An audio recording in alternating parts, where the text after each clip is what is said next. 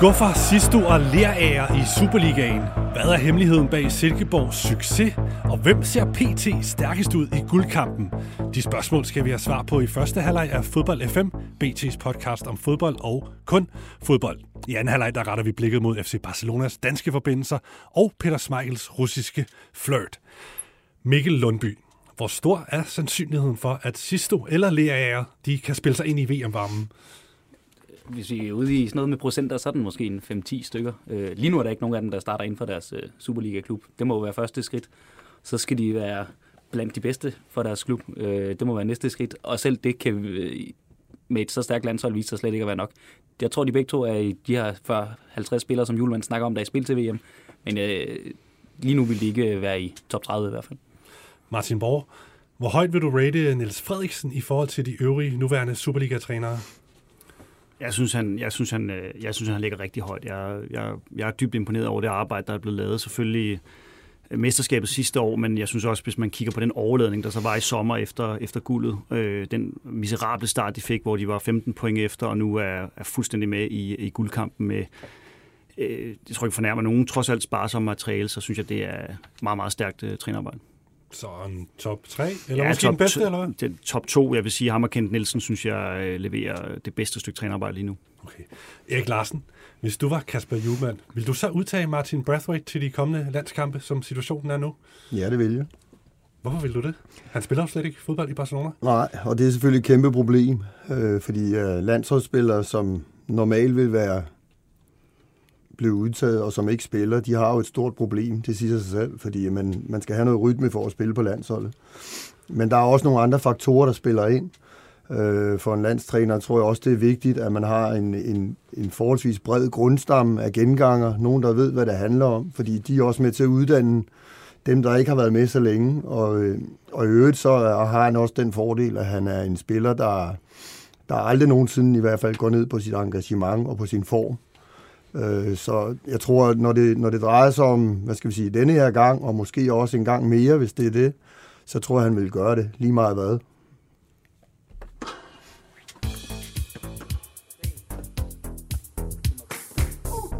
Okay, det med Brathwaite og hans nuværende ja, problemer, kan man godt sige. Barcelona, det vender vi altså tilbage til i anden halvleg af fodbold 5. Der kan vi også lige få Borg og Lundbys bud på, om de vil udtage Brathwaite til landsholdet, som det ser ud lige nu. Men altså, lad os lige få på plads, hvem, hvem øh, vi egentlig har med at gøre her i studiet, udover jeres navne.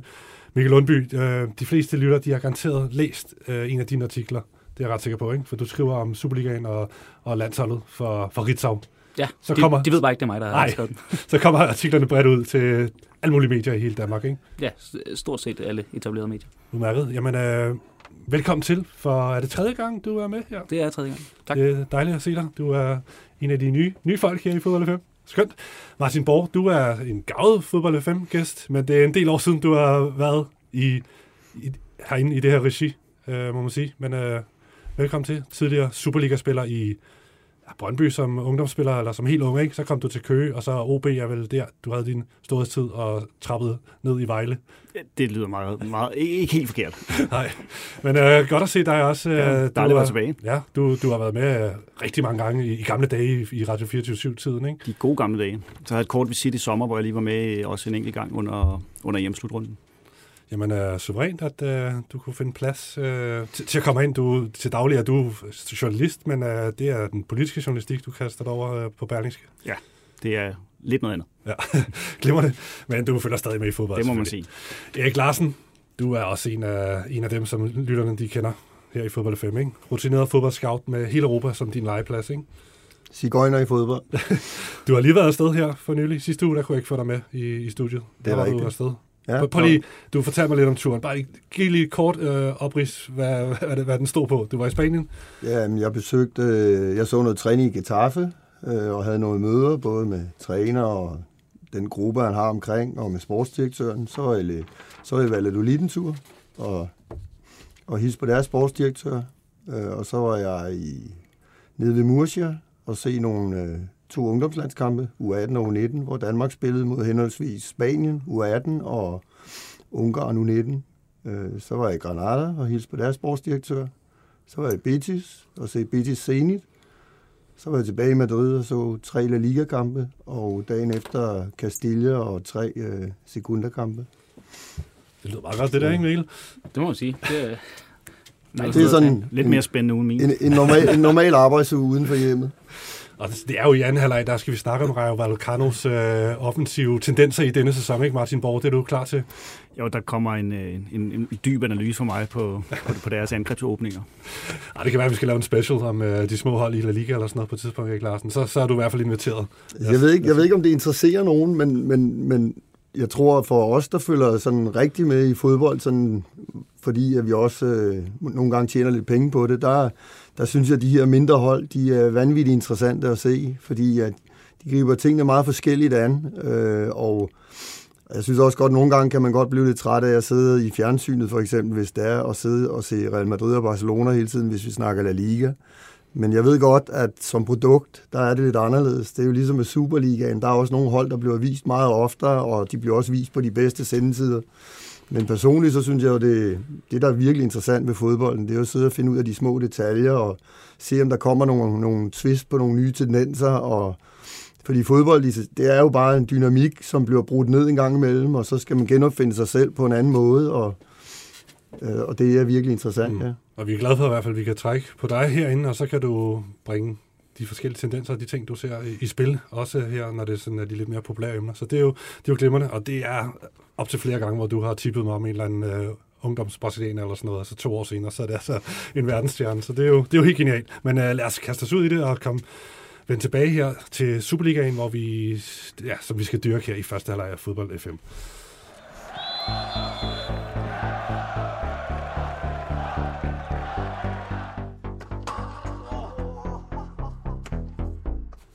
Sejr til de tre tophold, som nu endegyldigt må siges at være stukket af i mesterskabsjagten. Det er den helt korte konklusion på weekendens Superliga-runde. Men hvad kan vi ellers konkludere efter de fem kampe, der er blevet spillet? Ja, det er det, vi skal snakke om nu. Øh, Jeg tænker, at vi starter fredag aften, hvor Superliga-programplanlæggerne gav TV2 og X-Factor kamp til stregen med et par hotte opgør. I parken tog FCK imod Randers og sejrede med sikre 3-0. Og inden da, der fik vi det midtjyske derby, hvor FC Midtjylland vandt. Også sikkert med 3-1 over rivalerne fra Viborg. Mikkel, de to tophold der, de skal mødes i, i næste weekend. Midtjylland og FCK. Hvem ser stærkest ud lige nu, synes du? Øh, FCK ser helt klart stærkest ud. Øhm, det, det, det bliver også en lidt underlig weekend. Øh, FC Midtjylland kommer hurtigt på 3-0, så stiller de sig lidt tilbage, slapper lidt af. FCK lukker først deres kamp efter cirka 70 minutter, og derfor ser det også ud, som om det er en lidt mere helstøbt præstation. Men de har bare set skarpere ud i foråret. De har også holdt 0 tre gange. Det, FC Midtjylland har ikke holdt det endnu. Øh, så på den måde en, en fordel i FCK, men de har en rædselfuld statistik i Herning. Det har de, ja. Og øh, har du tiltro til, at øh, FCK de kan holde FC Midtjylland bag sig i, i det opgør der i næste weekend?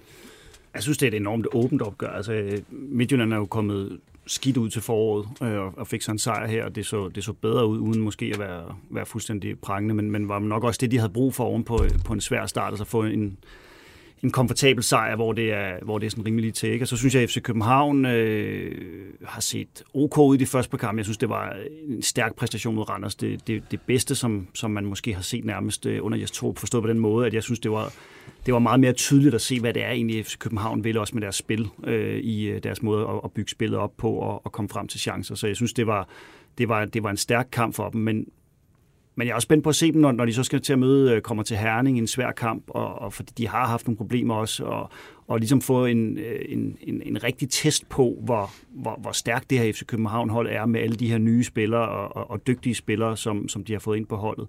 Øh, så jeg synes, det er, det er en enorm åben kamp, og det er jo et fedt tidspunkt, den kommer på her nu, hvor at, at det begynder sådan at snappe til, og vi har tre hold, øh, som, som ligger tæt. Mm. Erik Larsen, hvad, hvad er dit syn på de, de to holds øh, start på foråret her? FCK med tre sejre i streg, og Martin Borg siger, at det her var nok deres bedste præstation, spillemæssigt også. Er du, er du enig i det? Og så kan du også øh, sige et par ord om Midtjylland, som du ser dem. Jamen, hvis vi starter med FC København, så altså, fodbold, det handler sindssygt meget om at vinde. Øh, og man kan sige, det de har gjort i vinterperioden, så kan man, øh, vi har alle sammen forskellige holdninger til, hvad der er gode indkøb, og hvad der er lidt mindre gode indkøb, og hvad der passer og ikke passer, og alt det der. Men, men det, de har gjort i hvert fald, det er, at de har tilført nogle ressourcer i truppen, som gør, at nu er det, det er blevet svært at komme til at være starter i FC København. Og der er jo nogen, vi kan se allerede nu, det er gået lidt ud over. De har også fået nogle lidt tilbage fra skadesfronten, som, øh, som også gør, at der bliver mere pres på. Øh, og, og, og det gør jo, at niveauet til daglig vil blive højnet helt naturligt. Øh, og så er der også bare et naturligt intern pres i FC København, som gør, at man helst, øh, ja, det er i hvert fald sindssygt vigtigt, at man er med i international fodbold hver år. Og man skal jo helst vinde Superligaen også, selvom selve det at vinde Superligaen måske ikke er så vanvittigt vigtigt i den sidste ende. Altså det er mere prestigen, og så lige i det her tilfælde, fordi de ikke har vundet her på det sidste. Så, så FC Københavns start, den er, den, jeg tror, de ser helt kynisk på det. Den har været god, fordi de har fået point. Og det er simpelthen det, det handler om for FC København i første omgang. Og de er trygge ved, at nu har de en, en, en ret stor gruppe med rigtig pres på internt for at komme til at spille fra start af.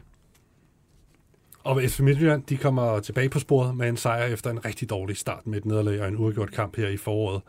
Yeah, var der det... noget positivt ud over resultatet i Midtjyllands spil? De, de vinder jo relativt nemt og nedbryder jo Viborg og har jo stort set vundet kampen efter en halv time. Ja, yeah. altså jeg vil sige, som, som jeg læser kampen der, så vil jeg egentlig sige, at, øh, at starten på kampen er der egentlig ikke den store forskel på holdene. Hvis du kigger på det spillemæssigt, der synes jeg egentlig, de, de rammer nogenlunde det samme niveau.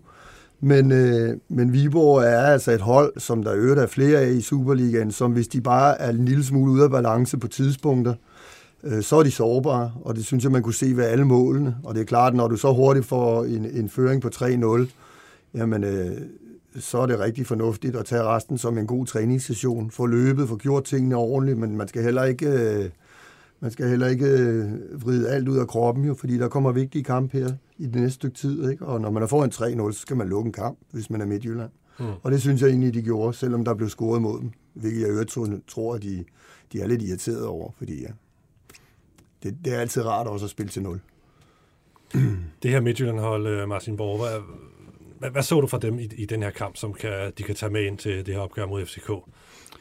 Jeg så, at de fik nogle af deres øh, individualister øh, sådan sat i spil. Øh, Evander, øh, Evander spiller en god kamp, ikke bare, ikke bare fordi han scorer, men jeg synes, han, han, han får, formår jo at få bolden nogle i de svære områder, hvor der er lidt plads i mellemrummet, og få sat også nogle af de andre op øh, til, til, nogle, til nogle chancer. Og det handler jo lidt om, at de skal få deres stærke spillere ikke, øh, i gang. Altså Junior Brumado får ikke scoret, men men, men begynder at, at nærme sig lidt. Øh, jeg synes, at Gustav Isaksen spiller en, en, en rigtig fin kamp også. Øh, også god til at komme ind i, i mellemrummet og i de små rum og, og få fat i bolden og gøre de andre gode, hvor pladsen blev meget på, på især Joel Andersen over på, på højre vingbak, øh, hvor han skabte pladsen til det ved at komme ind og, og, og suge to-tre spillere til sig, og så spille den videre, også ved, ved et af målene. Øh, så, så det synes jeg ligesom var det, og så handler det bare rigtig meget for at få sat en prop i. Altså for dem at få sat proppen i, og så, så er vi i gang med foråret. Det er Øh, Øh, vi er en uge ind i marts måned, øh, hvor fodbolden tit, øh, tit er anderledes, når du starter op efter en, en ikke lige så lang vinter som, som dengang. Slet ikke som dengang I ikke spillede, heller ikke som dengang jeg spillede. Øh, den, er, den er kortere, men det er stadigvæk en, en, en vinterpause, og så starter du op, og det er jeg vil ikke sige, det er tilfældigheder, men der sker altid nogle ting i starten, og der, så handler det også om for, for, for mesterskabsholdene, dem som skal spille med, at komme i gang. Og nu kom de i gang, og så er de med, øh, og så øh, har de så gode spillere, så, så, så nu, nu skal de nok komme videre.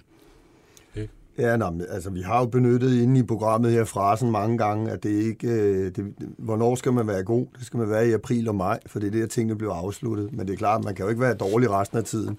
Men man skal hænge på, og man skal få point, og, og være i nærheden, så der er noget at spille om til sidst. Øh, og, altså jeg, Øh, jeg, jeg har lidt på fornemmelsen, jeg ved ikke om, det er jo selvfølgelig bare min holdning, men jeg har lidt på fornemmelsen, at, at der er mange spillere i Midtjylland, som føler, at de er bedre, end de er. Øh, de synes selv, de er rigtig gode, og det er jo, altså, i, efter danske forhold har de jo mange gode spillere individuelt, som skiller sig ud på forskellige parametre. Men, men det er stadigvæk et holdspil fodbold, så hvis, hvis, hvis der er for mange inde på banen, der individuelt hele tiden træffer beslutninger til gavn for dem selv, eller fordi de tror, at de kan gøre noget afgørende, og glemmer at spille spillet hurtigt, så man i virkeligheden trætter modstanderne og får dem ud af position og organisation, så kan man jo godt få problemer mod, mod et dårligere hold, og det kan man gøre i en hvilken som helst given liga. Og det er det, jeg har set, der måske er sket lidt i starten her, hvor, hvor Midtjylland måske ikke har levet op, i hvert fald ikke til deres egne forventninger. Så sejren, Øh, og det, at den blev lavet så tidligt, så klart, den tror jeg, det vil, det vil give noget, det vil give et rygsted til dem, og så kan man diskutere FCK-kampen, der står foran her om, om ikke så længe. Det er jo fantastisk for os andre, som øh, kan følge med Underholdende bliver det helt sikkert, og den får, sin egen, den får sit eget liv, sådan en kamp. Det er jo ligesom øh, med Københavner Derby med FC København og Brøndby. Så det, der handler det om, at øh, som jeg ser, der har FC København har en lille fordel, fordi de kan trods alt også tænke lidt i, at et point i Herning, det er faktisk ikke så dårligt. Jeg er spændt på kulturen i Midtjylland. Ikke? Altså, jeg synes, der har været en enorm stærk kultur i øh, altså, ikke øh, klubben, men, men også truppen i, igennem, øh, igennem mange år. Ikke? Øh, og, og der er kommet mange spillere ind, der er kommet mange brasilianske spillere ind, øh, og, og det er noget andet end, end den kultur, vi sådan generelt set har her i Skandinavien, og det kan man godt rumme, når du har en stærk kultur. Der har været nogle enormt øh, stærk kulturbær, og er det jo også stadigvæk, ikke mindst i anføreren Svirchenko. Øh, men, men spørgsmålet er så på et tidspunkt, om, om det tipper, ikke? Om, om man kan opretholde det. Og det, det tror jeg, vi får en, en, en test på her i løbet af de næste halvanden måneds tid, for at se, om de egentlig kan, kan, kan køre det videre. Mm. Og i den kontekst synes jeg, det er meget vigtigt, at de vinder den her kamp uden Erik Svirchenko. Øh, selvom han sikkert har råbt øh, hovedet af holdkammeraterne, da, da Viborg reducerer. Men, men han er helt instrumental for det her hold lige nu. Der, der er mange spillere, som i hvert fald, synes jeg, vi har set de første to runder i modgang, så har de ikke så meget overskud at dele ud af til, til manden ved siden af. Øh, og nu skal det ikke komme ud på, på nationalitet, men det, det ligger måske anderledes i nogle øh, fodboldkulturer, øh, hvor meget man rækker ud om, øh, om samholdet. Øh, samles man lige en klump og sørger for, hey, nu, nu er vi lige på igen med den, den plan, vi nu engang har lagt, eller, eller gør man ikke. Øh, og derfor tror jeg også til den her kamp mod FCK, hvis de skulle møde modgang der, så ville det være en kæmpe fordel, at det er med i Svirtjenko til, tilbage på banen. Mm. Og manden, der skal holde sammen på det hele, det er jo Bo Henriksen, som har været lidt op til, til debat om, hvorvidt han er den rigtige træner for, for FC Midtjylland. Hvad, hvad tænker du, Erik? Er, er, ser du noget i, i hans måde at være træner på i Midtjylland, der, der, der ikke får det, kan få det til at fungere? Jamen, jeg, jeg tænker, det, det, det er svært for os, fordi der er vi for langt væk. Øh, som jeg ser Bo Henriksen, så er han den Bo Henriksen, som han er. Han er en motivator, og han er hårdt arbejdende. Øh, men jeg tror egentlig, jeg kunne, jeg kunne bedre tænke mig lige at, at vende tilbage en gang til i forhold til det her med kulturen. Fordi at, at der, der er også et helt lavpraktisk problem i Midtjylland lige i øjeblikket. Det er, at nu satser de, øh, siger de også selv, på et brasiliansk projekt, og det kan jo godt give god mening. Der findes godt nok mange gode spillere i Brasilien, så det er ikke noget problem. Men, men det er jo alle sammen brasilianere, som ikke har været uden for Brasilien, og de, øh, og de, de kan altså ikke kommunikere med dem internt, når de sidder i omklædningsrummet. Så der er jo en fare. Altså, jeg, jeg kan sige, i Spanien for eksempel, ikke? de træner, der kan håndtere mere end tre argentiner i en trup, de er ret specielle man skal være lidt forsigtig. Og de taler samme sprog? De taler jo samme sprog, jo. Ja. Ikke? Så prøv at forestille dig, hvordan det kan være kultur, her. Eller hvad? Jamen, øh, ja, de holder sammen. Mm. Altså, det, og det er lidt ligesom serber i alle mulige sportsgrene på tværs. Øh, de holder også sammen, hvis de er i Madrid, så samles alle serberne, om det er basketball, eller fodbold, eller bordtennis, eller de holder sammen. Mm. Øh, og der tror jeg faktisk, lige nøjagtigt på grund af det her, der tror jeg, at man skal kigge og se, hvad perspektivet er i Wagner Love fordi uh, han er brasilianer. Han er en, de alle sammen ser op til, fordi han har haft 25 landskamp på... Altså, han er deres held, simpelthen. Det skal man ikke tage fejl af. Det er kæmpestort at have spillet 25 landskamp for Brasilien. For andre brasilianere. Mm. Og samtidig har han jo en europæisk indgang til det, fordi han har været ude mange år, og han har oplevet forskellige kulturer. Så jeg tror egentlig, det er der, man skal se det. Man skal, jeg tror, Midtjylland på en eller anden måde har tænkt, det kan godt være, at de ikke har været klar over, at der kunne komme problemer, men de har tænkt, det kan godt være, at det dukker op så kan vi gøre noget, der er smart, og så er forskellige omstændigheder, at agenten er allerede far til en spiller, og så kan man få sådan en lejlighed til at, at, hente sådan en, som siger, okay, han er i hvert fald ikke helt færdig, han kan stadig være med på, på det spillemæssige, på det træningsmæssige, men han har den her funktion, at han kan være en kobling mellem den lokale kultur og Europa på en eller anden led, og så nogle, nogle brasilianere, der er helt grønne i den sammenhæng, fordi kulturelt er de et andet sted. Okay, lad os se, om øh, det kan bære frugt her på den længere bane øh, her mm. i foråret. I Den hvert blev det langt, selvom man er så lille, Wagner Love, ikke? Han har i hvert fald kommet på tavlen nu, og har vist sig at godt kunne være brugbar, men øh, ja, måske allerede på søndag, når de to tophold mødes. Lad os lige få sat nogle ord på FCK også, og deres øh, egentlig ret gode indsats øh, med 3-0 over Randers øh, i parken. Hvem, hvem sprang i øjnene i den her kamp? Vi, vi har begyndt at kunne se, at øh, Torp har fået ligesom sat sit hold. Det, er sådan, det giver lidt sig selv nu, hvem der starter ind, ser det ud til. Øh, mere eller mindre. Øh, jeg tror, det er første gang, jeg ikke har tænkt, at de savnede Carlos Seca. Altså, de var meget i kontrol, og måske havde de også lidt, øh, lidt gode vilkår, fordi Randers var uden, hvad hedder han, Lasse Berg Jonsen derinde, som er en vigtig spiller for dem. Men FCK var meget på, og det blev ved med at skabe chancer.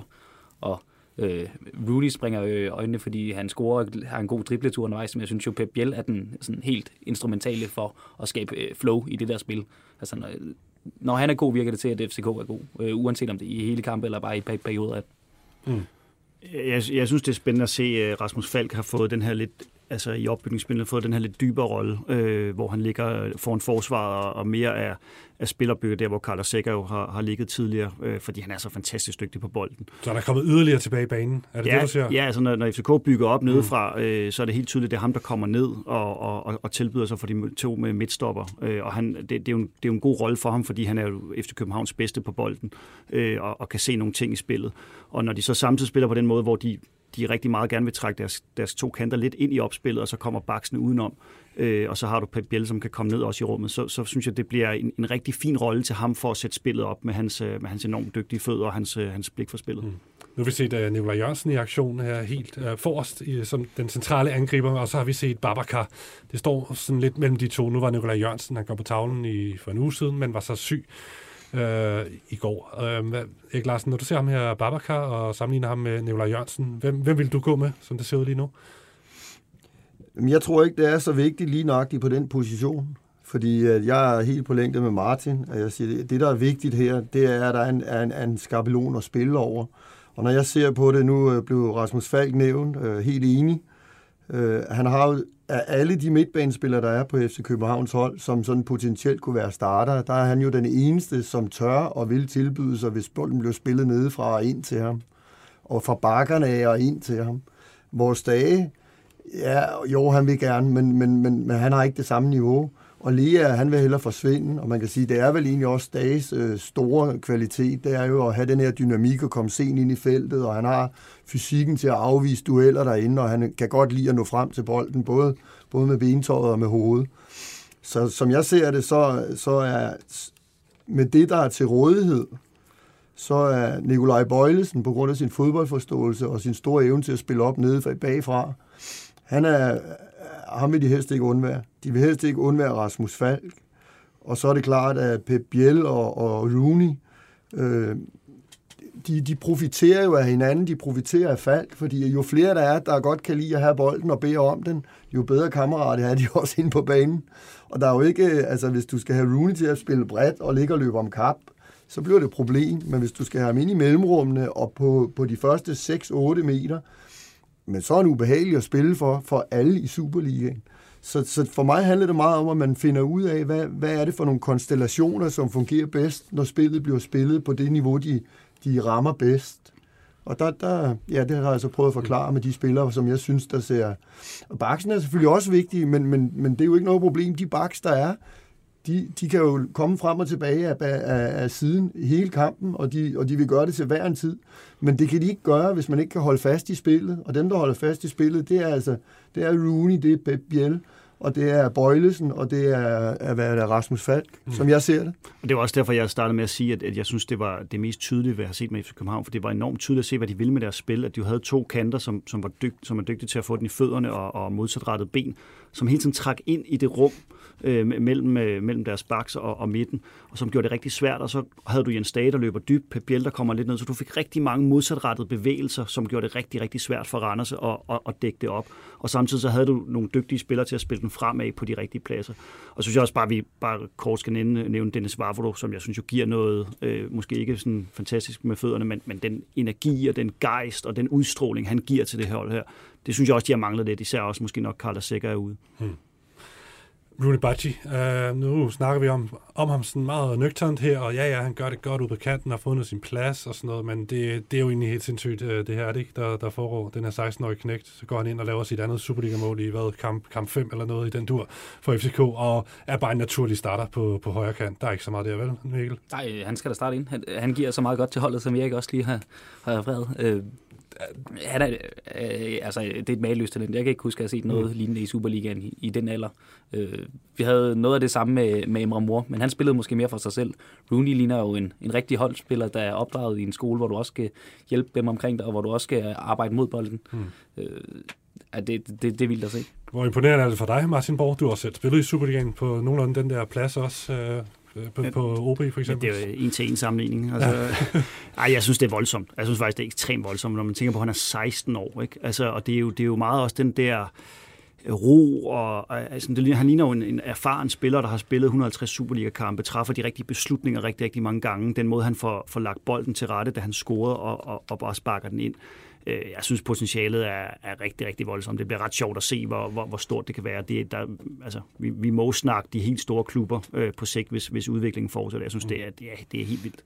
Erik, hvor uh, sætter du plusser ud for Rooney, og hvor, uh, hvor, hvor kan han forbedre sig, og hvor mangler han måske alligevel noget, hvis han skal op på den der allerhøjeste hylde, som vi måske tror, han kan, kan lande på, ja, når man er så god som 16 Selvfølgelig mangler han noget, fordi ellers så, så har han jo ikke spillet i FC København. Nej, men... Selv engang som 16 år. Altså, der er det, en ting det, som, som, som, som far, der sådan nogle ting, som jeg ved, du kigger meget ja, ja, på. Har han det? Jamen, jamen, jeg vil sige det sådan, at øh, hvis vi skal tage det, hvor jeg synes, han er virkelig, virkelig...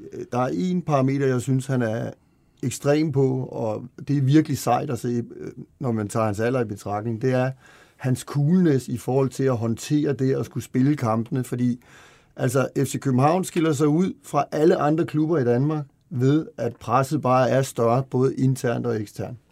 Øh, det kan godt være, at der er nogen, der synes øh, noget andet, end det jeg siger, men de får mig aldrig overbevist om, at det ikke er sådan. Fordi det, det er sådan, jeg ser det simpelthen. Og det håndterer han vanvittigt godt. Altså, den anden ting, det er, at han er, han er jo hurtigt opfattende også, så, så han, han, gør, han, han, han, de, han dæmper ikke spillet ret meget, medmindre det er nødvendigt. Han er enormt god til også at spille hurtigt, ikke kun at gøre de ting, han selv er god til. Eller man kan sige, en af de ting, han er god til, det er også at spille hurtigt. Øh, og så er han modbydelig på små områder, en mod en, fordi han er, han er svær at følge med på de første 6-8 meter, og han kan gå begge veje. En anden ting, jeg synes, der er interessant, det er, at det virker som om, at han dukker op der, hvor bolden falder ned. Det er jo ikke sådan, at han har lavet alle sine, eller han har lavet sine to mål, bare taget kuglen, og så lavet et eller andet, hvor man har siddet med øjenbrynene om i nakken. Det er fordi bolden falder ned et sted, og så er der en, der er lidt ude af balance organisationen. Den ene gang var der en, der faldt, og så tager han et træk og sparker mål. Den her gang, der er han søgt helt væk fra sin position og kommet godt ind midt i feltet. Bolden dumper ned til ham. Første touch, det er fantastisk, og så ligger han bare i kassen. Så, så det, det er kvaliteter, som, som man har brug for, hvis man skal tage, tage niveauet ud og, og, og spille på højere niveau i Superliga. Mm. Eller hvis han skal spille godt i Europa for mm. FC København. Men, men det kræver også, at han bliver brugt på den rigtige måde. Altså netop som mellemrumspiller. Fordi hvis han bliver for isoleret ude på kanten og holder for meget linje, og skal leve af at få bolden ned bagom i dybden, eller skal, eller skal have den i fødderne og udfordre en mod en, det kan godt være, at det går i Superligaen, men den går altså ikke andre steder, fordi han er ikke hurtig hurtig på længere distancer. Mm, okay. Det er han ikke. Men altså, vi skal ikke tage noget fra hans, øh, hans, hverken hans præstationer eller hans talent. Han er 16 år, og han, øh, han, øh, han gør en forskel i Superligaen, for ellers spillede han ikke for FC København. Du har set mange uh, talenter rundt omkring de seneste mange år, selvfølgelig, i din egenskab af at være scout. Du har lige fortalt om din tur til Spanien, hvor du har set alt muligt ungdomshold. Altså, hvad kan vi måle ham her med? Han er desværre ikke dansk, men han er Superliga-spiller. Det er jo sjovt for os, selvfølgelig. Jamen, der, der, er, uf, altså, der er ufattelige talenter alle mulige steder, ikke mindst i Spanien. Øh, Men i dansk kontekst så? Altså, du kan jo har du tage, set noget du, lignende? Du, du, om jeg har set noget lignende? Jamen, det ved jeg ikke. Altså, jeg synes også, øh, nu er han meget tidligt ude, men, men altså, hver position på banen kræver jo forskellige redskaber. Øh, helt tilbage i, i Daniel Akkers tid, så, så vidt jeg husker, spillede han 32 kampe i Superligaen, og så var det slut. Hmm. Ja, det er jo også ekstremt. Hvis, hvis Rooney skal spille 32 kampe i Superligaen, så er det jo lige før, at, at så skal han sælges næste sommer. Så har han nået det. Og så skal han være klar til at spille på højst niveau i Europa. Så, så fantastisk interessant at følge ham, og øh, meget nemt at se, hvad han er god til, og spændende at se, hvad, hvordan han forfiner og udvikler det. Øh, men, men det skal altid sættes ind i en kontekst. Ikke? Altså, der, der er spillere i Barcelona, som også nogle gange spiller, når de er 16 og 17 år på førsteholdet. Og det er med al respekt en lille smule anderledes. Okay, klipperne. Spændende bliver det i hvert fald at følge hans udvikling. Der er to profiler, vi ikke har snakket så meget om for Midtjylland og FCK. Øh, Pione Sisto og Lukas Lea, som jeg som jeg havde op at vende i, i starten af programmet. Øhm, og vi, og jeg havde tænkt, at vi skulle lige øh, runde dem øh, og lige tage sådan en form for status i forhold til, hvor godt de har klaret sig, siden de skiftede til, til deres respektive klubber her i Superligaen. Det var jo Lukas Lea kom til FCK for et år siden, som en kæmpe signing, i hvert fald det, det vintertransfervindues, en, en af de største øh, transfers øh, ja, der for et år siden. Pione Sisto kom for halvandet år siden i en kæmpe saga i hård konkurrence med FCK. Så lykkedes det FC Midtjylland at hente ham. Øh, er I klar på, at vi lige øh, runder dem? Fordi anledningen er jo, at det ikke går sådan super godt for dem. De har i hvert fald siddet på bænken i de sidste to kampe, og, øh, efter, og ikke rigtig sådan bidt sig fast på, på deres hold. Øh, Mikkel, hvad er dit øh, syn på... Lad os starte med Lukas Lea. Altså, han har været i FCK i et år nu. Kommer ind og laver et flot mål øh, i går men startede altså ud. Ja, øh, og det kan man på en eller anden måde godt forstå, når man har set ham spille. Øh, jeg havde forventet, at han skulle komme tilbage til Superligaen. Han, altså, han var jo Serie A-spiller, der bare går et skridt op eller ned, alt efter hvordan man ser det, men nok mest ned i Superligaen, og tænker, der ville han være en af de klart bedste i ligaen. Øh, for, forventede noget lidt Thomas Delaney-agtig dominans inde på, på midten, fordi uh, han har så stor en motor, men øh, sådan, den konklusion, jeg er kommet frem til nu, må være, at han ligesom adopterer sig ind på det niveau, han, han spiller en liga på. Altså hvis han nu var blevet solgt til, til Burnley i stedet for, så har han sikkert fundet en rolle og kunne passe ind i, i Premier League, og nu har han så fundet en rolle, hvor han passer ind i FCK, men han er bare ikke den bedste. Og så minder han måske lidt meget om Jens Dage, som, øh, som kan nogle af de samme ting, men som øh, lige nu øh, excellerer mere, mere i kampene. Og, og derfor er han så, så havnet ude, ude på bænken. Øh, og så, så kommer han ind og laver et fint mål og gør god reklame for sig selv, og han har også lavet andre langskudsmål. Men, men det, det hele er blevet sådan lidt, lidt uforløst. Øh, Øh, han ser på, på en eller anden måde også lidt, lidt utilpas ud, da han, han er sådan lidt ilter, tager også et, øh, et par dumme advarsler ind imellem. Der er et eller andet, der ikke, der ikke spiller 100% for ham, men jeg synes jo, han er en, han er en god spiller, og jeg er ikke helt klar over hans situation. Der, der var noget i sommer med, at han måske var købt fri, men så var han ikke købt fri. Jeg tror stadigvæk, Geno ejer en eller anden form. For ham. De skal jo finde ud af, om de skal, de skal beholde ham også. Mm. Øh, det, det ved jeg ikke, om de skal. Er du overrasket, Martin Borg, over, at han ikke er blevet en mere markant figur, trods alt på FCK's midtbane på, på et år her? Ja, det er jeg. Altså, jeg, det, jeg synes jo, han kom, og han havde været inde, han havde spillet på landsholdet, hvor han havde gjort det godt, og, og kom fra italiensk fodbold, og, og, og tænkte helt klart også, at han ville gå ind og, og blive en, en, en stor profil på, på det her hold. Det, det, synes jeg, det synes jeg, det lå til. Øh, jeg synes ikke, han har været en katastrofe. Altså, den synes jeg, altså, øh, men, men altså, jeg synes, han har leveret nogle, nogle, nogle fine præstationer og, og, og, og gjort det godt jævnt. Øh, men, men, men jeg havde forventet, at han kunne mere. Jeg troede, han skulle ind og være sådan en, en jeg ikke, man skal sige Thomas Delaney, i hvert fald sådan en ret dominerende skikkelse på det her FC København-hold. Jeg synes, han har været inde i perioder og gjort det udmærket, og så har det været lidt, lidt, lidt, lidt, sådan, lidt tamt øh, i, i andre perioder. Og, øh, og så er han jo som Mikkel også nævner, han er jo hårdt konkurrenceudsat. Øh, Sikker var der indtil han blev skadet. Rasmus Falk og Jens Dage, så det, det er jo nogle, nogle, nogle stærke spillere, han, han er op imod. Ikke? Mm. Øh, om han ikke føler, føler sig helt til rette, øh, det er altid svært at, at vide også om, mærker man trænerens tillid og sådan nogle ting. Jeg kender ham ikke sådan som, som person, om der, om der er nogle ting der. Men det er ligesom om, at han sådan ikke har helt fundet sin, sin helt rette rolle på det her FC København-hold, eller måske den her klub, øh, også under det pres, som Erik snakkede om før. Jeg tror nu egentlig, han, han er godt rustet til det. Han virker som en, en ret øh, stabil og, og stærk personlighed også. Øh, men, men, men vi mangler ligesom at se ham træde det sidste skridt ind som sådan en, en stor, bærende FCK-spiller, som, som jeg tror, de havde forventet og håbet, og, og jeg nok også havde troet. Hmm har man måske overvurderet ham øh, lidt i forhold til hans CV. Man har kigget over, oh, han spiller i CA, han har spillet øh, en del sæsoner i, i fransk fodbold også, og været i Belgien inden da. Men han har jo aldrig været en stor figur på landsholdet for eksempel. Altså, det er jo det er blevet det er småt med landskampen, han har fået der. Altså, jeg synes, han, øh, jeg synes egentlig, han gjorde det godt de gange, han var inde omkring landsholdet. Der skal jeg være ærlig og sige, at jeg ikke har set ham spille så utrolig mange gange. Jeg synes, jeg var ret imponeret over den måde, han kom ind. Men han, det er jo rigtigt, som du siger, han var jo ikke en bærende spiller, og han har heller ikke været i nogle klubber, øh, selvom han har været i udlandet, som på samme måde som FC København er den klub, som skal vinde hver evig eneste gang. Og det er jo et andet pres, også selvom det bare er i Danmark. Og den rolle er jo anderledes, end, end da du spiller i Genua, hvor du ligger og kæmper om, om nedrykning, eller bliver oppe i, i den italienske række. Og det er nogle forskellige ting.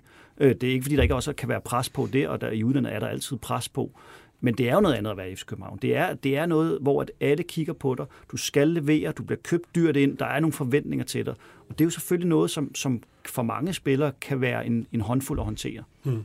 Erik, er der noget, er det sådan noget, noget taktisk, øh, at han ikke har fundet sin rolle på FCK's hold, hvor man så måske kan sige, at det er træneren, der ikke helt øh, kan, kan, kan finde ud af, hvor han skal spille? Eller er det, er det træneren, der ikke har forstand på fodbold, eller hvad?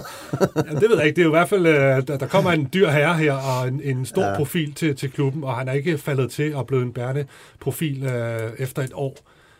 Kan man pege i den retning, eller er det måske noget, som øh, de andre er inde på, at det måske det her pres, han ikke helt er vant til, eller hvad, hvad, hvad er sådan din, dit take på det? Jeg, jeg vil starte med at sige, at øh, i, i topklubber og i klubber helt almindeligt i øvrigt, så er det sådan, at øh, i den sidste ende lige meget, hvem det er, og hvad de koster, når de kommer. Hvis, hvis man vinder og opfylder de mål, man har sat før sæsonen, ikke, så er ledelsen, og især træneren, fuldstændig ligeglad med, hvem der spiller og hvorfor. Det, det, det, det, det er egentlig en parentes i den sammenhæng. Man konkurrerer med Seca og Men når Falk vi, når vi skal diskutere ham, ja. så, så det, og det er jo så min egen personlige mening, der er sikkert mange, der er uenige, men, men jeg synes jo, at FC København, hvis, hvis de skal være øh, førende i Superligaen, og, og også være, hvad skal man sige, dem, der er med til at, at, at, at sætte nogle standarder for, hvordan man udvikler øh, som, som tophold ligaen og sig selv, og man også skal kunne gøre det godt i international fodbold. Så vi har, lige, vi har lige haft berørt det. I øjeblikket, den eneste, der kan modtage bolden øh, nedefra og, og ind i midtbanen inden for central forsvar eller for baks, det er Rasmus Falk. Før var det Sækker. Øh, Jens Dage, han, er, han kan til nød gøre det, men det er ikke hans livret. Øh, og, og der vil jeg sige, at hvis jeg, hvis jeg var FC København, så ville jeg kigge mere på, de centrale midtbanespillere, man skal have, de skal altså være gode til at håndtere bolden på en anden måde end Lea er. Fordi jeg ser Lea som en dygtig spiller, men hvor hans absolute spidskompetencer, både med og uden bolden, det er, det er, faktisk, det er faktisk i de faser, når han ikke har bolden. Han er dygtig til at sætte pres, han er dygtig til at erobre bolde, han er dygtig til at komme ind i feltet, men det er jo ikke sådan, at han tager bolden ned og laver et eller andet. Det er på den første berøring. Ikke? Eller, og så har han jo det glimrende, som er blevet nævnt, øh, øh, at han har et glimrende skud for distancen. Øh, og så er han i en konkurrencesituation, øh, og i øjeblikket så ser det ud som om, at han står bag øh, Stage. Øh, hvis, hvis Falk ikke øh, kan spille, så er jeg sikker på, at ham og Stage spiller. Øh, og hvis Sækker og Falk kan spille, øh, så får vi se, hvad der sker. Øh, man kunne jo også lege, nu vi snakker om Rooney, man kunne jo lege med, med eksperimentet. Hvad nu hvis øh, Rooney om, om et år, hvis han stadig er i FC København, har fået så meget erfaring og så meget ro, selvom man har meget ro allerede nu, at man vælger at sige, at man flytter ham ind som en 8, fordi så, så, giver man, så gør man så ondt på modstanderne i Superligaen. Øh, fordi så er, der, så, er der, så er der to derinde, plus Pep Biel foran dem, som hele tiden kan få bolden ned bagfra, og som kan spille hurtigt nok. Og jo flere der er af dem, som øh, har varme i fødderne og kan spille hurtigt, jo nemmere bliver det for dem, og jo, og jo sjovere synes de er at spille fodbold. Det er jeg slet ikke i tvivl om. Og det er jo stadigvæk sådan i fodbold, at når man har bolden, så kan de andre ikke score. Og, og man kan heller ikke selv score, hvis man ikke har bolden.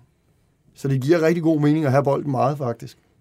Okay, så lige nu, der har han altså ja, faldet bagerst i køen i forhold til de centrale midtbanespillere. Må se, om han kan rejse men, men skuffende vel alt i alt, selvom han er skudt sin mål, som du siger, og får en del spilletid, men altså ikke blevet den markante figur, som jeg regner med. Nej, jeg er også sikker på, at han, øh, han selv er skuffet. Altså, han er, han er jo en vinder-type, han, han, han vil jo spille. Mm. Øhm, så ja, skuffende udefra, også skuffende frem, og også lidt skuffende for... Og ikke han får lidt spilletid. Nu skal de også spille europæiske kampe. Der bliver et tæt program for dem. Ikke? Jeg tror nok, han skal komme ind og få uh, sine minutter også her mm. over de næste uger. Okay, så lad os lige kigge på Piono Sisto også. Det er så halvandet år, han har været i FC Midtjylland. Det har været sådan lidt op og ned, ikke? Hvis jeg, sådan som jeg husker det, starter han med et godt efterår. Lidt svingende i foråret, også lidt svingende her i det her efterår. Og så er han altså råd på bænken her efter, efter vinterpausen. Martin Borg, det er vel også overraskende, at han trods alt ikke har været en større figur i, i Midtjylland, mere kontinuerligt her. Ja, det synes jeg er en, er en endnu større overraskelse, ikke? fordi jeg synes jo, Pione du har jo indiskutabelt et, et, et ekstremt højt niveau. Ikke? Altså han har jo Øh, Øh, han har jo i sig øh, landsholdsniveau, det har vi jo set med flere lejligheder, vi så altså første gang han var i Midtjylland, og egentlig også i starten nede i, i Spanien, øh, i Celta Vigo, spillede han jo øh, godt og stærkt og spillede mange kampe dernede. Ikke? Og så er der gået et eller andet galt for ham. Øh, Øh, han røg ud i kulden og havde det svært dernede, og, og kom så tilbage, og, og, og det lød jo egentlig umiddelbart som, som en god ting, ligesom få genstartet karrieren, kom tilbage til rødderne, øh, Øh, kom tilbage på rette spor, og, og, og startede fint og kom på landsholdet. Øh, Julemand udtog ham jo ret hurtigt, ikke? Øh, men, men han formår jo ikke at, at lægge det der sådan ekstremt ekstraordinære niveau ind i kampene og være en meget, meget afgørende spiller for Midtjylland i øh, over mange kampe, øh, som, som, vi har, som vi ved, han kan. Øh, det bliver, for, det bliver lidt, sådan lidt for langsomt. Jeg synes, han har svært ved at, at komme frem til de, de, de steder, hvor han bliver afgørende, enten ved at, at sætte et par mand af og få sparket den ind, eller, eller suge spillet til sig, og trække nogle modstandere til sig og sætte de andre op sådan kontinuerligt. Du ser det stadigvæk ikke glemt, men du ser det jo slet, slet ikke nok i forhold til, øh, til hvad han kan. Så jeg synes, det, det, er, det er ærgerligt at se. Øh, og jeg tænker egentlig, at Bo Henriksen, vi så også en opblomstring, da han kom til som træner, ligesom vi har set, at mm. Bo Henriksen har haft en rigtig god indflydelse på Evander. Øh, jeg tror, hans personlighed, det kunne matche godt, men det er jo så glædet ud i sandet her på det sidste. Er han i en form for sådan spillemæssig identitetskrise? Altså, vi kendte ham jo som en lynhurtig kantspiller, der kunne drible finurligt og kunne også score mål. Så er han blevet brugt længere tilbage på banen i FC Midtjylland nu her, og har måske svært ved at finde sin, sin rolle og plads på det hold, hvor de også har Evander på den offensive midtbane, og alle mulige forskellige øh, konstellationer på midtbanen og i offensiven. Jamen det synes jeg, fordi han er usynlig på, på flere forskellige måder i, i løbet af kampen. Der, der er perioder, hvor han slet, slet ikke vil have bolden. Så er der perioder, så får han bolden, og så prøver han noget, der næsten er umuligt. Som han selvfølgelig ved, at han har niveauet til på sin allerbedste dage at kunne, kunne komme igennem med, så han bliver kampafgørende. Og det kan også være, at det bare er en, to vellykkede aktioner, der fører til et mål, der, der gør, at han lige pludselig blomstrer igen. Men, men han, altså, han er i en spillemæssig krise. Hvad, hvad savner du at se for Pione Sisto? Og hvad er det, du ser, når du ser Pione Sisto for FC Midtjylland lige for tiden? Jamen, jeg, jeg har måske en lidt anden holdning end, end mange, men, men jeg, jeg ser en spiller, som har nogle, øh, nogle færdigheder, som er ret ekstreme, men som bruger dem også ret dårligt. Øh, og det startede egentlig... Og han er 27 år nu, altså det burde han vel ikke? Jamen jeg, jeg, jeg synes egentlig, det, det startede egentlig øh, allerede, mens han var i, i, i Celta Vigo. Øh, han spillede mange kampe, det er rigtigt. Øh, han lavede ikke så mange mål, han, men han lavede rigtig mange assist. Øh, men det hang vanvittigt meget sammen med, fordi for mig, Pino Sisto, øh, han, Sisto, han er en spiller for mig, som han kan jo sætte sin direkte modstander, når han gider. Men, men når han så har sat dem, så stopper han altid at vende op i banen, øh, når han spiller ud fra venstre af med sit højre ben. Så, så han, han tager det ikke videre derfra. Det, der skete i, i uh, Celta Vigo, det var så, at så slog han, når han vendte op i banen, og så slog han noget øh, indadskruet indlæg. Og der profiterede han i den grad af en, der hedder Maximiliano Gomes, som uh, nu er angriber i, uh, i Valencia. Fordi det er sådan en øh, altså, typisk boksangriber, et dyr for Uruguay, som angriber alt, hvad der bare rører sig ind i feltet, både medstander, modstandere og medspillere og bold. Og, så, så det var en god kombination. Men det, der så også sker i fodbold, det er, at, at altså, alle andre, de, de sidder jo også og forbereder sig og ser kampene. Og hvis du gør de samme ting hele tiden, hver gang, så bliver du jo læst. Og så er det jo ikke så, så, er det ikke så farligt at gå hårdt til ham, fordi du ved, selvom han sætter dig, så vender han op i banen og stopper en gang til, så du får altid en chance til. Øh, så, så, og jeg synes jo, det der sker, hvis, hvis han, øh, nu blev det nævnt, at han falder ud af kampen, og andre gange, så får han bolden og vil lave noget ekstraordinært. Men hvis man på den sidste tredjedel bruger for meget tid, fordi øh, man lige skal drible lidt mere, eller røre bolden et par gange mere, så giver man jo trods alt også modstanderne en ekstra chance for at komme på plads, og gøre det endnu sværere for sine holdkammerater. Fordi den, der skal bruge mind, den, der har mindst tid at bruge, det er den, der spiller aller forrest fremme, eller dem, der spiller forrest fremme. Ikke? Så altså, jeg tror egentlig, dem, der er gladest for, at han er kommet tilbage, det er dem i FC København. Altså, at han kom til FC Midtjylland og ikke FCK i, i sin tid på en det, dyr kontrakt. Det, det er jeg helt overbevist om. Martin Borg, kan du uh, sætte dig ind i måske at være i sådan en form for spillemæssig identitetskrise eller formkrise, og føle sig måske læst på banen, eller måske miste det, man havde for nogle år siden, og så begynde at komme ind i sådan nogle mønstre her, hvor du laver pirouetter hele tiden, i stedet for at bare løbe fremad og tro på tingene? Ikke så meget det med pirouetter for mit eget vedkommende, men, men at blive læst, øh, jamen, altså, hvis, hvis man først kommer ind i sådan en, øh, hvor du bliver ramt på selvtilliden, så kan, så kan det faktisk være svært. Altså, øh, jeg tror, mange har prøvet det også, hvis man har været skadet en lang periode, og du kommer tilbage, og det, det, det glider ikke rigtigt det første stykke tid, fordi du mangler, mangler touchet, du mangler fornemmelsen for det. Øh, og du kan godt komme ind i sådan en spiral, hvor at du, at du mister en lille smule tro på det. Det kan faktisk godt være svært for mange. Du ser jo også mange spillere, som øh, Fernando Torres popper lige op i mit hoved, ikke? som lige pludselig var øh, ikke den samme spiller, og aldrig blev den samme spiller, som, som han var i, i Liverpool og, og på det spanske landshold. Du ser jo det der lige, lige pludselig, at man, at man får det der lille knæk, og det kan være sindssygt, sindssygt svært at, at komme ud af. Og jeg er enig, jeg er enig i Eriks analyse i forhold til, at, at han ikke på ikke for, rigtig formår at få sat de ting, han kan i scene. Altså han får, får ikke sat sin, mod, eller han får sat sin modstander, men stopper op på den måde, for ikke brugt sin fart for at komme væk Øh, så, så, så det kan være, det, det kan godt være svært, og det, jeg kender ham ikke godt nok, jeg er ikke tæt nok på til at kunne sige det, men det virker jo til, at han har, øh, der har også været nogle skriverier om forskellige ting, og, og hvor meget det er rigtigt, det ved jeg ikke, men der er i hvert fald virker til, at der er nogle mentale ting, som, som hindrer ham i at, at forløse det, han, det, han kan. Mm. Jamen, der er, og så er det jo også sådan, at øh, sådan ser jeg det i hvert fald, fodbolden helt generelt, den professionelle fodbold i dag, ikke? Der er den, det at være en spiller i dag, det er altså blevet mere konform forstået på den måde. Der, der, er, flere, der er flere kasser, man skal kunne være inde i. Øh, og der vil jo altid være mennesker, det er jo mennesker, vi har med at gøre. Der vil altid være mennesker, som, som simpelthen af en eller anden grund bare ikke kan finde ud af at passe ind i de her kasser. Og, og så er det svært, fordi så er der, undskyld jeg siger det, så kommer der altså en eller anden bunderøv, der er lidt dårligere, og som bare maser på, og så er det ham, der spiller. Og, og Sisto er jo i den samme situation, som, som, som når vi snakkede om Lea tidligere i FC København. Sisto er jo også i en situation, hvor der er meget konkurrence om pladserne. Der, der er et, et prestigeprojekt med, med brasilianske spillere, som bliver købt og hentet dyrt til klubben. Jamen altså, det, det, den er hårfin grænsen, hvem man bruger og hvem man ikke bruger, og specielt hvis man er lidt i tvivl om, om de egentlig står distancen eller ej. Og så er der endelig sådan den personlige ting, hvordan man opfatter sig selv. At hvis man har været virkelig anderledes fodboldmæssigt, hvis man har kostet mange penge, og man har været ude i en meget større liga og kommer hjem til Sobe-ligaen, ikke? Øh, og så samtidig ikke spiller, så kan det jo godt være, at man slet ikke kan få det til at passe mentalt ind i sit eget hoved.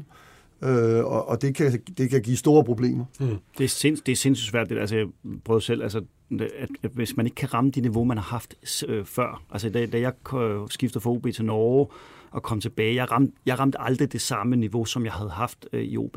Og det var ekstremt svært at acceptere. Og det betyder, det var ikke, fordi jeg ikke prøvede. Jeg gjorde virkelig alt, hvad jeg kunne med mental træning, og jeg ved ikke hvad. Jeg kunne bare ikke komme derop igen. Og det er sindssygt svært at, at acceptere. Det kan godt blive sådan en spiral, hvor det så egentlig bider sig selv i halen. Senest vi så Piono Sisto på landsholdet, det var, det var vist den seneste landskamp, ikke? Vi spiller op i Skotland. Og det er lidt paradoxalt på en eller anden måde. Der kommer han faktisk ja, ind i varmen igen hos Julemand, kommer ind og får, ja, jeg kan ikke huske så meget, øh, 20 minutter eller sådan men, noget. Men, men, der er vi enige om, der var mange, der kom ind i varmen den aften, ikke? Og Michael Ure var også på banen og så videre, men trods alt fik sin seneste landskamp der, i den seneste landskamp, der overhovedet blev spillet. Men forfærdelig øh, indsats for ham, han koster et mål også. Tror du, vi får se ham i trøjen igen? Det, det håber jeg virkelig, vi gør på et eller andet tidspunkt, men jeg tror ikke, det bliver på den her side af, af VM. Øh, han er for langt fra at kunne være med nu. Det, det er svært at se ham blomster nok ind til sommer, og så begynder der allerede øh, at spidse til i forhold til, at de har en enkelt samling i efteråret, inden de skal til VM. Øh, det må være på den længere mm. bane, hvis han finder sit, øh, sit niveau igen. Og Lukas Lea, helt kort, du, hvad siger du? Ja, der, der, der, er for mange gode centrale midtbanespillere til, at han kommer med til VM. Helt kort med de to drenge der. Ser vi dem øh, på landsholdet igen? Jeg tror ikke, at Lea er enig i varmen. Jeg tror, der er mange foran ham med at sige. Pionicisto øh, har så højt et topniveau, så hvis han rammer det, det så vi også, så der tror jeg, der er kort vej til, at Julemand godt vil have en spiller som ham ind i varmen. Erik, hvad siger du? Nej, jeg tror ikke på det. Udmærket. Lad os sige, det var ordene øh, i første halvleg af fodbold 5. Vi nåede ikke lige at snakke om øh, Silkeborg og, øh, og deres kamp mod, mod Brøndby, og lige kigge lidt på årsagen til Sikkerborgs succes. Det kan vi lige gøre på den anden side af pausen, hvor vi skal nå en hel masse andet. Så lad os bare øh, få sat pausemusikken på, og så ses vi om, øh, og lyttes vi ved om fem minutter.